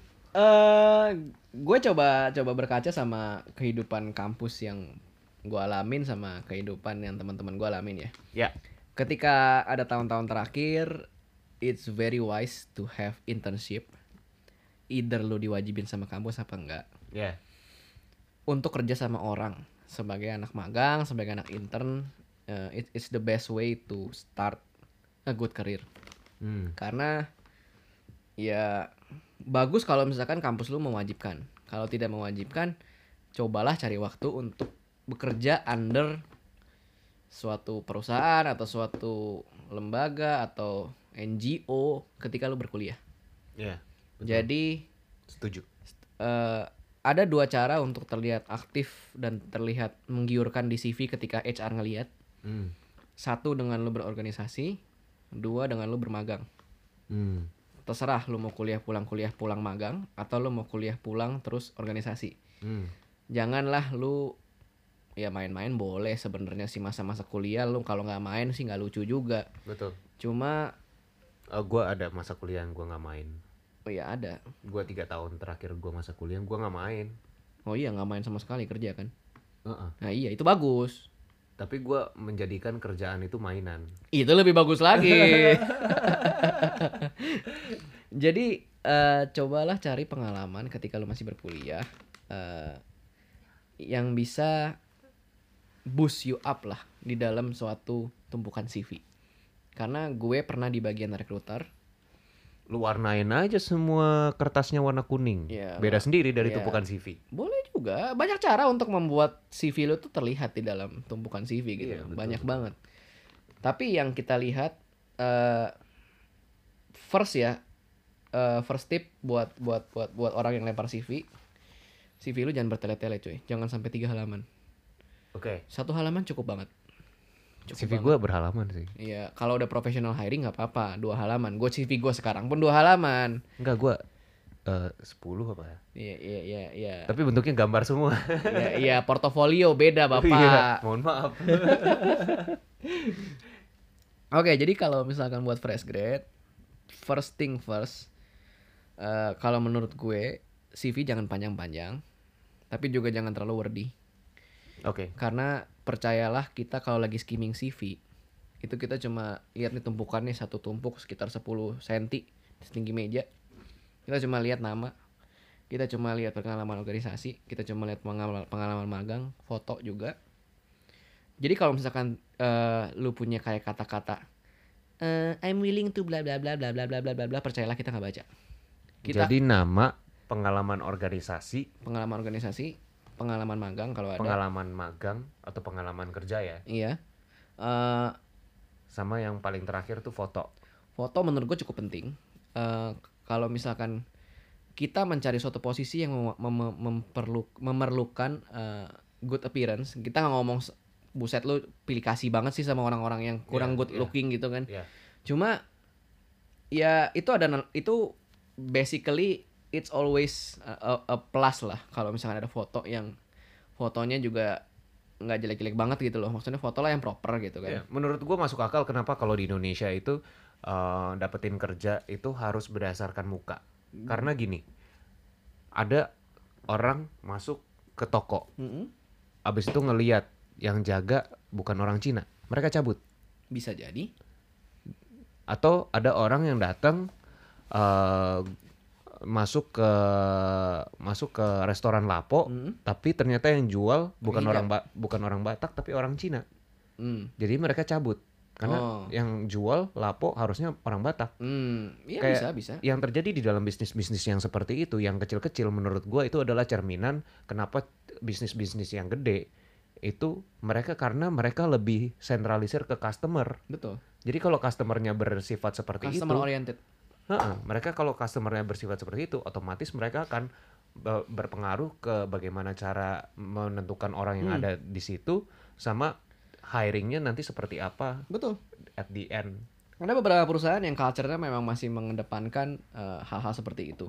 Kita kita bisa aja bilang itu negatif banget, tapi Elunya juga negatif, iya, coy. gitu. tapi kita kan kondisi lagi nyari kerja, kita butuh kerja. Kalau misalnya kita mau kalau kita dapat kerjanya di tempat yang seperti itu ya mau gimana gitu kan. Iya. Jadi menurut gua ada yang bilang nggak usah taruh foto. Eh, not really. Menurut gue pasang lah gitu. Carilah foto lu yang yang oke gitu. I mean like lu invest lah foto difotoin yang bagus gitu di studio atau di mana gitu yang yang proper lah. Jadi Iya. jadi kita sebagai HR tuh kita ngeliat oh nih anak mau daftar kerja dan dia niat. Dan bahkan gue pernah nyobain, gue punya dua CV. Hmm. CV yang pertama adalah CV yang formal, CV yang kedua adalah CV yang portfolio gue. Hmm. Nah, gue sebagai gue sebagai fotografer, gue lempar yang satu ke mana, yang satu ke mana. Abis itu yang dapat panggilan adalah yang gue gua taruh foto yang gak rapi, tapi gue pegang kamera. Iya. Dibandingkan foto yang rapi, foto pas foto. Iya, betul. Jadi sebenarnya foto itu seberpengaruhnya itu terhadap Seberpengaruhnya. HR di Indonesia. Betul. Kalau misalkan fotonya nyeleneh atau fotonya super super good looking dengan bokeh-bokeh yang sangat-sangat candid or apa, percayalah kita lihat kok. Hmm. Dan dan dan dari tempukan 10 cm CV setebal itu dari iya iya kita akan lihat yang aneh-aneh kayak gitu loh. Oh. Jadi untuk filter pertama first thing first adalah grab attentionnya dulu. Dari Ya. foto, dari bentuk get CV-nya. impression dulu. Iya iya iya. Kalau iya. secara content creator ya. get impression. Yeay, Au au au. setelah dapetin impression, Ah, ah. kata-katanya harus bisa men-engage. Betul. Jadi eh, menurut gue kalau misalkan lu udah magang atau lu udah ada pengalaman kerja di di suatu tempat atau di suatu BEM atau organisasi, lu tuh harus sedikit memberikan eh, apa namanya ya? Lu cerita dikit lah. Eh, ini gue agak bertolak belakang sama wordinya, cuma it- it's good thing bahwa lu punya cerita tentang kerjaan lu di situ lu ngapain. Iya. Jadi lu tuh bener-bener kelihatan bahwa lu bener-bener kerja di situ gitu loh. Iya betul. betul. Iya kan? Pak taruh logo perusahaan kalau perusahaan itu well known boleh, boleh banget. Misalkan lo pernah kerja di Alfamidi, taruh aja logonya Alfamidi di situ. Hmm. Kita akan langsung notice, wih, ini anak pernah kerja di Alfa Group nih. Atau dia anak pernah kerja di Indofood nih sebagai magang doang, misalkan cuma tukang fotokopi doang atau apa, cuma dia pernah kerja di Indofood. Iya. Dia pernah ngerasain culture-nya Indofood. Dia pernah ngerasain Indominya. Dia pernah ngerasain Indominya yang basi, yang expired, yang yang Wow. belum launching juga juga dia pernah nyobain gitu kan. Wow, gue mesti tanya sama Swain soal itu ya. Jadi ya gitu, menurut gue grab attention tuh penting ya itu salah satunya dengan logo perusahaan, dengan cerita. Ini udah next level sih kalau cerita. Next level setelah lu grab attentionnya, eh ya itu cerita lu udah kerja di situ ngapain dan apa yang lu dapat, apa yang lu pelajarin, itu akan membantu lu banget ketika kita nanti dipanggil interview. Hmm. Itu udah semacam Q, CUE untuk eh, ceritanya nih pas lagi zaman interviewnya apa. Misalkan lu punya tiga bullet point yang menceritakan kegiatan lu waktu di Indofood atau kegiatan lu waktu di Alfamidi. Mm-mm.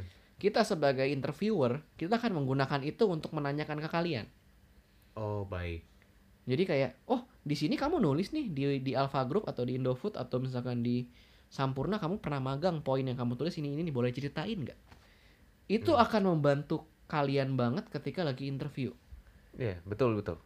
itu akan mem- mem- membuat kalian relax karena kalian benar-benar ngerasain itu, benar-benar melakukan itu, dan udah ada poin yang mengingatkan kalian tentang itu. Jadi kalian ceritanya akan mengalir. Iya. Itu udah another good point yang akan diterima oleh interviewer, Bener sih, bener banget. Gue juga begitu. iya kan? Setelah di interview, Mm-mm. gue di interview by phone pertama kali sama Shopee. Betul. Sebelum ketemu sama user Mhm. yang gue bilang project manager. Siap. Begitu ditelepon, set ditanyain, kamu kamu kerja di kamu kerja di LSPR, kenapa kamu keluar? Habis itu gue cerita, hey A B C D E F G H I J K L M N gitu. Karena panjang kan ceritanya. Hmm. Habis itu dia langsung kayak, oke oke oke, kamu bisa ketemu nggak sama user? Jadi direct to the point, terus ketemu sama usernya besok, karena dia bilang dia butuh cepet. Mhm. Jadi secepat itu proses hiringnya. Tapi eh ternyata oh ternyata setelah gue lihat ternyata gue interview usernya tidak cocok guys. Karena percayalah ketika lagi interview, apalagi untuk fresh grade, lu akan sangat grogi. Lu punya cerita sebagus apa pun, lu bisa jadi silent. Iya, gue Dan- pernah kok jadi orang yang silent, Mhm. silent interview. dan itu enak nggak enak banget gue juga pernah dan itu nggak enak banget jadi penting banget menurut gue di dalam CV lu itu ada namanya bullet points yang menceritakan tentang pengalaman kerja lu Oke. nih kalau misalkan lu nggak ada sama sekali dua hal itu lu agak cukup hati-hati coy sama berarti lu agak-agak harus mencari kesibukan yang bisa menonjolkan lu di CV Hmm. itu penting karena jangan lu cuma kuliah PUBG kuliah PUBG doang Hmm. Mobile Legend doang juga jangan karena percayalah kita HR nggak punya interest untuk orang-orang seperti itu gitu. Oh begitu ya. Oh. kecuali lu super pro banget di programmer or apa something tapi lu punya hobi main PUBG gitu ya itu nggak apa-apa kecuali lu punya lu bisa punya justifikasi nih lu IP lu 4 atau IP lu tiga setengah di bagian programming itu again itu another, another story lagi tuh Ya, itu yang pertama berarti ya. Eh, supaya lo bisa valuable, lo harus punya CV yang kuat. CV yang CV yang kuat itu cuma perlu dua. Yang satu singkat dan punya banyak eh, efek-efek. Eh, entah itu adalah foto yang bagus atau lu pampang fotonya di bagian belakang gede-gede. dan another tips eh, lu tahu dari mana misalkan nih kita ngomong English fluency eh, intermediate advance itu tahu dari mana banyak orang naruh di CV kayak 8 out of 9 fluent in English atau 8 out of 9 eh, advance in Excel itu lu tahu dari mana gitu Nah, itu kita sebenarnya nggak gitu nggak gitu percaya sama yang begitu begitu Hmm. jadi kalau lu bisa menunjukkan bahwa lu certified di Excel atau lu certified di English dengan TOEFL berapa itu itu jauh lebih lebih bagus gitu loh oh gue ditelepon waktu itu interview by English. Habis itu gue Hmm. disuruh cerita, terus gue cerita panjang lebar. Hmm, Makanya dia langsung panggil gue. bagus bagus bagus karena ya again CV itu kan kita bisa nipu nipu ya kan Iya, apa pun yang lu tulis kan lu bisa tulis sendiri Nah, lu bisa bilang lu jago Excel cuma kalau misalnya lu disuruh kerjain pivot table lu ngerti? Enggak juga kan. gua aja nggak ngerti apa itu pivot table Nah, benar. Jadi kayak gua taunya flip table betul. Kalau lu lagi rage, pivot table gitu. sekarang gua nggak ngerti tapi kalau misalnya gua ditanyain pivot table itu apa gua langsung buka Google otomatis Ya cuma kan lu nggak bisa buka Google lagi interview kan. bisa Gimana caranya? gua akan buka Google di depan dia persis nggak masalah gua akan buka kalau misalnya dibilang kalau misalnya dia bilang eh kok lu buka Google ya kalau misalnya gua nggak tahu gua harus cari tahu itu attitude gua Iya, coba kalau misalkan gue lagi nyari data analis untuk lu ngerti pivot table, gue gak akan ngambil orang kayak lo lah ton gimana ya sih? biarin aja ya kalau gitu lu jangan manggil gua dari awal Iya, ya iya, kan? iya, iya. Jadi berhati-hatilah dengan apa yang lu tulis. Again, kalau lu ngakunya lu advance di Excel, cuma ketika kita panggil kalian, kalian nggak ngerti apa-apa itu another miss. Iya. Another miss. gue pernah nulis di CV gue uh, gue gue tahu sedikit Japanese Hmm. bener gue tahu prosesnya dari gue datang Hmm. mesen makanan sampai bayar gue harus ngomongnya apa udah di situ aja itu Oh, satu oh. proses full Anyway, ini gue ada kepikiran satu nih terkait mungkin ada audiens lu yang nanya eh, seberapa penting IP. iya iya Ya. Iya mungkin ya itu berhubungan sama pendidikan soalnya Berhubungan kan sama pendidikan, eh, percayalah kita agak serem sama ya, ini ini ini honest opinion yang based on experience juga. Kita agak serem sama yang IP-nya terlalu tinggi. oke Kita ter agak serem, kita agak lu nggak lu nggak serem sama gue dong berarti gue 3,4 34 tuh masih oke coy. Iya Biasanya kalau misalkan kita udah mulai agak-agak antipati eh, ketika IP-nya di atas 3,7, 3,8, rata 4, nah itu kita harus agak hati-hati. Hmm. Akan Karena- lebih karena mereka terlalu pinter dan Terlalu mereka pintar. bisa manipulasi betul, mereka terlalu pintar, mereka tahu eh, kapasitas mereka, mereka tahu mereka demandingnya di mana. Dan mereka tahu mereka punya bargaining power untuk cabut dari perusahaan itu kalau mereka nggak serak. Hmm. Jadi biasanya untuk suatu ter- balik lagi ya tergantung company-nya. Cuma kalau di company gue yang lama selama so far ini kita akan mencari yang eh, IPK-nya itu around 3 lah. Iya. Itu biasanya cukup normal untuk di develop. Hmm. Gue ngomong cukup normal untuk di develop kenapa? Karena mereka masih mau mendengar, tapi mereka juga nggak parah-parah banget nih. Jadi percayalah kalau IPK lu 2,9 atau 3 atau 2,8 it- it's, it's not a big problem for us Iya. for for for basic position ya. Hmm. Jadi nggak usah jiper sama yang IP-nya 3,6, 3,7, 3,5 nggak apa-apa. Kita akan manggil yang 3,6, 3,7 itu, cuma kita akan lebih lebih lebih cautious. lebih ya, lebih cautious aja ya. Iya. Contohnya kalau misalnya lebih cautious, gue pernah dipanggil sama video.com. Mhm, Abis itu yang ketemu sama gue adalah CFO-nya, mhm. bukan bukan H, udah HR ya? udah chief head-nya yang ketemu gue pertama. Abis itu langsung CFO-nya. Bener. Men, gue lihat di seberang jalan itu ada satu kelompok itu di lagi di training sama orang yang kelihatannya kelihatannya juga IT departmentnya gitu dan bukan siapa-siapa bukan HR-nya. Tapi yang gue gue benar-benar satu ruangan khusus, ruangan yang CFO. gede. Abis itu sama chief HR sama CFO. Abis itu kita ngobrol ngobrol di situ. Abis itu terakhirnya CFO-nya bilang sama gue, gue udah tanyain lu terus, sekarang lu tanyain gue dong gitu. Gue cuma tanya tiga hal video.com itu sekarang lagi mau ke mana, video.com itu masalahnya apa, terus video.com itu eh, mau dijadiin kayak gimana, mau dijadiin kayak gimana ke depannya. Mhm. Setelah dia jawab sem- semuanya, abis itu gue bilang udah udah selesai pertanyaan gue. Gue rasa itu yang bikin dia jiper untuk masukin gue ke sana.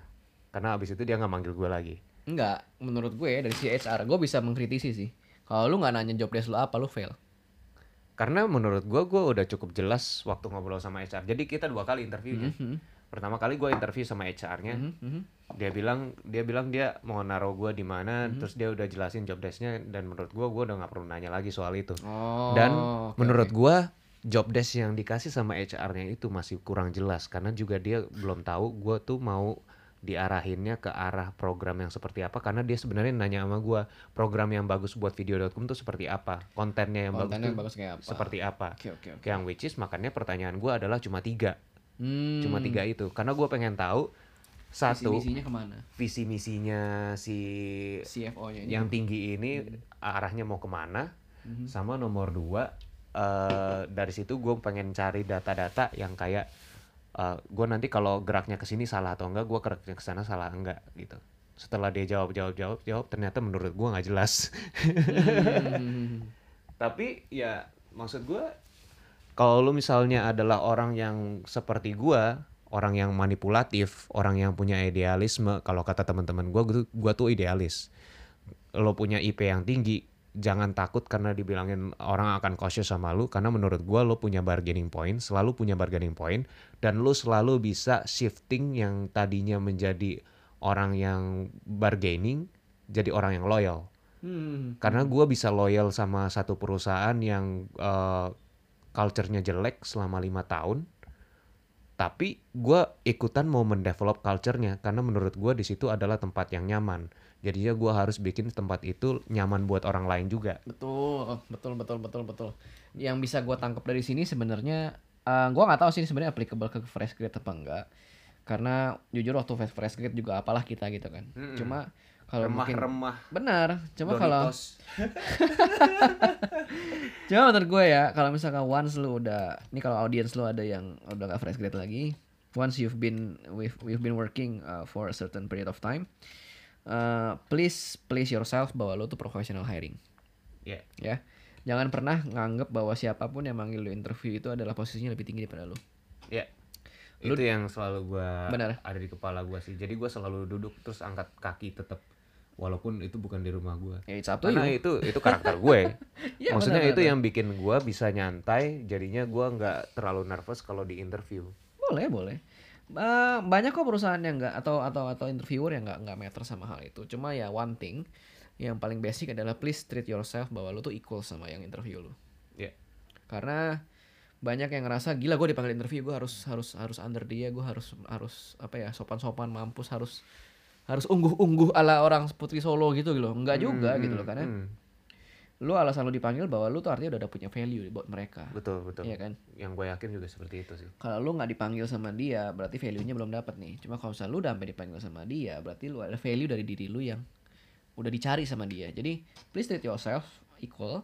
Jadi anggap aja interview itu ngobrol. Interview itu bukan suatu bukan suatu hal untuk menjudge lu atau atau apa pun gitu kan jadi ya itu kalau buat yang professional hiring ya fresh grade mungkin bisa apply ini juga cuma eh, takutnya kalau misalkan lu udah agak-agak terlalu bossy di awal banyak kayak interviewer fresh grader itu yang ngerasa gila nih orang songong banget sih masih fresh grade aja gitu kan Ada betulnya juga. jadi ya pinter-pinter lah lihat aja nanti interviewnya gimana Iya, eh, apa pun yang lu lakukan ya kalau itu emang karakter lu menurut gua jangan Iya, iya. jangan jangan menghentikan diri lu. Ya bikin lu diri lu senyaman mungkin karena kalau misalnya lu nggak nyaman lu nggak bisa ngeluarin apa-apa. true true true banget Nah, terus di nah kita sampai di akhir nih, Di. Yang di akhir adalah yang biasanya gua tanyakan pertama. Tapi karena kita tadi terlalu asik dengan topik kita hari ini, siap jadinya gua tanyakan di akhir. apa tuh Jadi dulu itu kita ketemu dari SMA, betul nggak sih? bener banget bro Nah, jadi Andi itu adalah dulu eh dia IPA, yo Iya kan? yo pak gua masuknya IPS. Abis itu Siap. kita kenalnya gara-gara siapa ya? lupa gue cuy asli Hmm, pokoknya kita kenal aja Ya, deh. tapi gara-gara kebanyakan kayak gara-gara event deh Ah, ah. si tahun ini jadi anak perkap ngurusin audio gue kayaknya kayaknya sering jadi MC atau Iya. jadi apalah intinya Iya, gue dulu jadi anak perkap. Jadi gua dari SMP itu selalu jadi perlengkapan, seksi perlengkapan. Mhm. Jadi gue yang selalu persiapan dan beres-beres. dan khususnya di audio Yoi. gitu. Kalau dulu, makanya sekarang gue bikin podcast. Yongku. Makanya sekarang, makanya sekarang sekarang ini gue punya pengalaman gue di radio. Siap. Karena menurut gue yang paling gampang aja yang gue lakukan dari dulu adalah teman-teman perlengkapan audio. Ya ya udah. udah muter-muter situ Nah di situ, makanya di situ ada Andi. Andi itu selalu yang gue suka dari Andi adalah Andi itu selalu uh, pengen bisa sesuatu hal yang menurut dia dia senang. Dan kebetulan aja berhubungan selalu sama gue. Kalau dulu gue ngomong di halo-halo gitu, gue ngomong di halo-halo waktu event, dia juga pengen ikutan. Nah, Nah makanya sekarang dia juga eh, cerewetnya lebih dari gue gitu. Terus keduanya adalah Andi itu eh, sekarang ini tertarik dengan foto dan video. foto video dan diving dan diving. Dan diving. Semuanya anjing, semuanya berhubungan sama semuanya adalah yang berhubungan sama gue. Jadi dia tanya sama gue, jadi kita sering sering sharing. Siap. Gue juga gue juga akan selalu open sama orang-orang yang suka sama foto atau video, apalagi teman-teman gue sendiri. Jadinya gue kayak, oh lu lu mau lu mau job hari Sabtu Minggu ya udah gue kalau ada job hari Sabtu Minggu gue kasih ke mereka Siap. kenapa karena gue malas Hmm. mereka enggak mereka lebih rajin jadinya jobnya gue kasih ke mereka Betul sekali. Begitu. Jadi silakan Andi, gue udah sedikit kasih tahu. Ya lu silakan ceritakan kenapa lu bisa ketemu Tony dan apa yang lo eh, yang berkesan dari Tony Dari buat lo. Tony. Oke. Jadi eh, gue tahu Tony ini orangnya eh, jayus-jayus gitu. Iya. Jayus-jayus goblok. Tapi dibalik dibalik semua kejayasan gobloknya itu dia tuh orang serius dalam menjalani hidup. Jadi kayak Iya, gue terlalu serius kayak. jadi ya setiap yang dia jalanin itu pasti dia uh, do it to the fullest. I mean like Hmm, hmm. ya ya ya it's a good it's a good point to have lah. I mean- I mean kayak jarang orang yang nggak jarang sih banyak sih. Cuma ya gue lihat temen gue yang kalau ngerjain apa terus diseriusin sampai segitu seriusnya itu ya salah satu Tony gitu kan. Dan dan Tony ini juga orangnya juga nggak nggak nggak apa ya nggak sombong sama teman-teman lama yang mungkin udah lama nggak ketemu gitu kan Iya, kayak iya. kayak ada yang kalau misalkan anjir udah lama gak ketemu kan eh, songong banget nih nggak pernah ketemu ngobrol awkward gitu enggak nih kalau gua sama Tony ini kayak baru ketemu sekarang lagi pun juga apa yang bisa kita obrolin itu bisa nggak terbatas gitu loh kayak Kan gue sebelum lupa, gue akan selalu bilang seperti ini. Gue itu selalu kenal sama orang-orang yang gue temuin yang walaupun udah lama dari dulu sekalipun gue tahu mukanya mereka tapi kadang gue lupa sama namanya. Tapi percayalah kalau misalnya lu gue follow di Instagram lu gue follow di Twitter atau kita pernah dekat di sosial media mana pun gue akan selalu lihat kalau misalnya lu selalu posting. Kecuali kalau lu bener-bener hilang gue akan cek gue akan cek kembali di dalam otak gue lu tuh siapa gitu itu aja. Siap, siap, tapi siap. setelah gue tahu gue tahu kalau misalnya gue itu adalah uh, orang yang nggak mau meninggalkan teman siapa pun itu juga. Widih. Gue tuh suka gue gue tuh sebenarnya suka menyimpan di dalam diri gue kalau misalnya gue itu um, memvalue semua teman-teman gue dengan caranya yang berbeda-beda ya? Tapi karena gue karena seperti episode pertama gue tuh introvert. Jadinya gue nggak nggak bisa ngasih ngasih lihat itu. Oh siap siap siap siap siap. Ya lanjut. Eh, iya jadi Tony kebetulan eh kalau lu lihat audiens nih ngelihat feedsnya Tony itu kan kayak wah hidupnya happy happy gitu kan jalan-jalan gitu kan. Terus fotografi skillnya juga oke gitu kan. Eh, kayak people wondering eh, how to how how to do your life like Tony gitu kan kayak ya by being males. By being males ya bisa jadi sih ya. hanya Tony seorang yang bisa menjawab. Cuma ya ya ya ya we're we're we're, we're very impressed with with with Tony's feed eh, Tony's content. Dan dan it triggers us to like uh, how can we actually uh, improve our photography skill or our storytelling skill to more like menjual gitu loh kayak jadi ya ya dan dan Tony juga humble untuk kalau ditanyain eh Tony gimana sih cara foto Milky Way? Atau atau gimana sih ini cara cara ke Jepang yang bagus? Atau atau gimana tuh? Dan dan dia humble. Jadi the nice thing about Tony ya dia nggak tertutup sama hal, -hal kayak gitu. Jadi itu yang membuat kita eh, cair juga gitu loh. I mean like walaupun kita jarang ngobrol cuma kita kalau misalnya once kita nanya something like that Tony is always open to answer gitu loh. A friend is in indeed is a friend in need iya dan pokoknya kalau lu butuh lu kabarin ke gua gua pasti punya Ah, jawaban Betul. Dan dan gue juga lihat Tony juga kayaknya nggak nggak minta timbal balik. Ada kan yang kayak tahu-tahu ditanya kayak gini, eh gue mau jualan produk asuransi habis itu kan kayak ya terus gue mesti jadi downline-nya dia atau gimana? Enggak. Tony juga orang kayak gitu gitu kan. Gua kalau misalnya lu tawarin asuransi, please langsung ngomong aja, eh gua tawarin asuransi mau nggak gitu. Sorry banget nih, gua tuh eh, akan eh, oke-oke aja kalau misalnya lu langsung ngomong dibandingkan lu Hmm. ngomongnya muter-muter. Dan Tony juga bukan agent asuransi. Jadi kalau misalkan gue nanya nama dia, dia nggak nggak maksa gue beli asuransi dia gitu. iya. Walaupun gua eh gua pakai BPJS kesehatan, lu Hmm. mau nggak pakai kode registrasi gua? Mohon maaf nih nggak ada gitu. Belum ada. Jadinya kalau misalnya gua jualan kayak gitu juga belum tentu juga kejual. gitu. Betul. Nah, sama nomor dua adalah gue lebih gue lebih appreciate teman-teman gue yang langsung kontak abis itu langsung to the point dibandingkan yang kayak ton nunggu gue balas. Oh iya. Oh itu bener banget coy.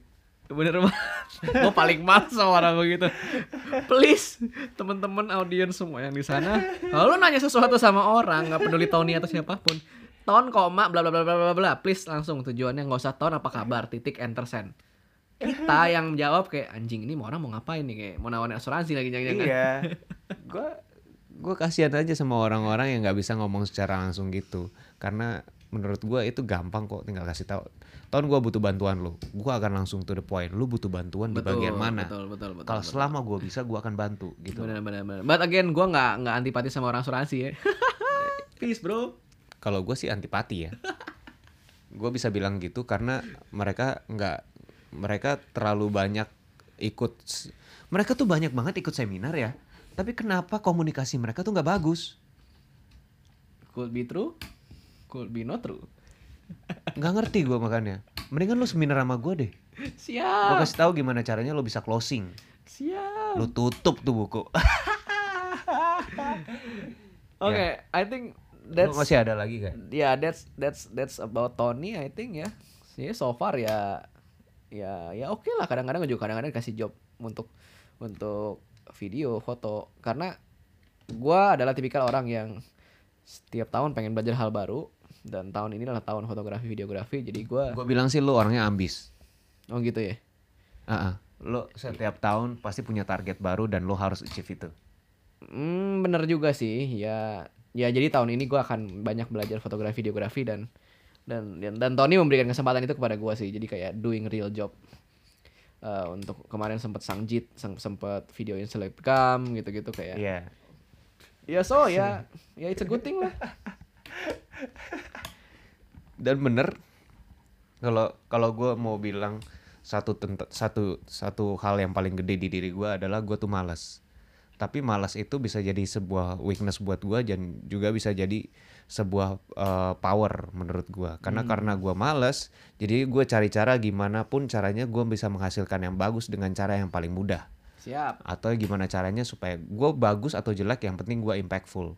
Jadi gue fokus ke satu dibandingkan fokus ke tiga karena gue males. Hmm, dibandingkan gue nggak dapet apa-apa mendingan gue dapet satu gitu loh. Betul. ya dan banyak hal lain yang sebenarnya gue bilang gue tuh malas karena begini malas tuh karena begitu satu feature lo yang paling bagus apa nih menurut lo? Sebagai uh, konsultan di bidang future ready talents. Ah, siap. Eh paling apa ya gue ini gue ditembak pertanyaan gue jadi bingung. Eh, intinya santai aja.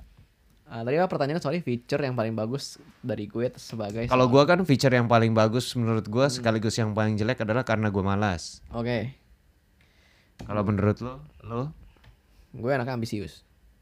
Keren. Itu udah cukup menjawab buat gue. Banyak orang ambisius di luar sana langsung relate. Siap. iya. Thank you banget Andi untuk waktunya. Lo Thank you, thank mau you, ngomong thank apa yang terakhir buat orang-orang di luar sana? Ya, HR bukan musuh. Anyway, HR berusaha untuk menjadi teman kalian kok. Jadi eh, jangan treat HR bukan manusia karena HR juga manusia. Siap. Bapak HR. ya, terima kasih banget Andi sudah mau masuk di dalam podcast Thank gue. you, Gue selalu you. menghargai semua teman-teman gue yang bisa yang oke langsung kalau mau masuk podcast. Karena menurut gue it takes courage untuk bisa diketahuin sama orang banyak walaupun orangnya belum tentu juga banyak yang dengerin podcast gue. Benar benar benar. Sebenarnya one thing sih Ton kayak misalkan menurut gua kalau lu punya suatu pengalaman, experience atau kelebihan dalam suatu bidang lu tuh next thing to do adalah lu share ke orang lain. Jangan Betul. jangan di keep di dalam diri lu sendiri karena eh, ilmu itu akan usang kalau misalkan lu keep di dalam diri lu sendiri gitu. Benar-benar. Dan kita nggak bakal berkembang. Gue tahu karena gue dulu adalah orang yang kalau sharing tuh gue mikir dua kali. Kenapa gue takut menggurui mereka? Iya sebenarnya dengan lu sharing itu adalah lu belajar sesuatu lagi gitu loh. Kalau untuk orang yang pengen terus belajar, lu punya ilmu dan mengajari ilmu itu kepada orang lain itu adalah another development lagi buat diri lu. Jadi it's, it's always a good thing to share something that you know. Keren. Itulah Andi. Teman-teman gue tuh emang teman-teman yang keren-keren. Cuma karena rekam gue nggak pernah ngerekam mereka aja jadi gue nggak tahu. Oke, thank you banget yang udah dengerin podcast ini. Yang mau ikutan sharing silahkan sharing Instagram gue aja at seven crow kalau Instagramnya Andi Eh, at Andi Kemal, Andinya pakai Y. Nah, siapa tahu dia jadi seperti Samuel Ray. Sama Ray ini teman gue. Hai sayang. Okay, that's it for this podcast. See you on the next.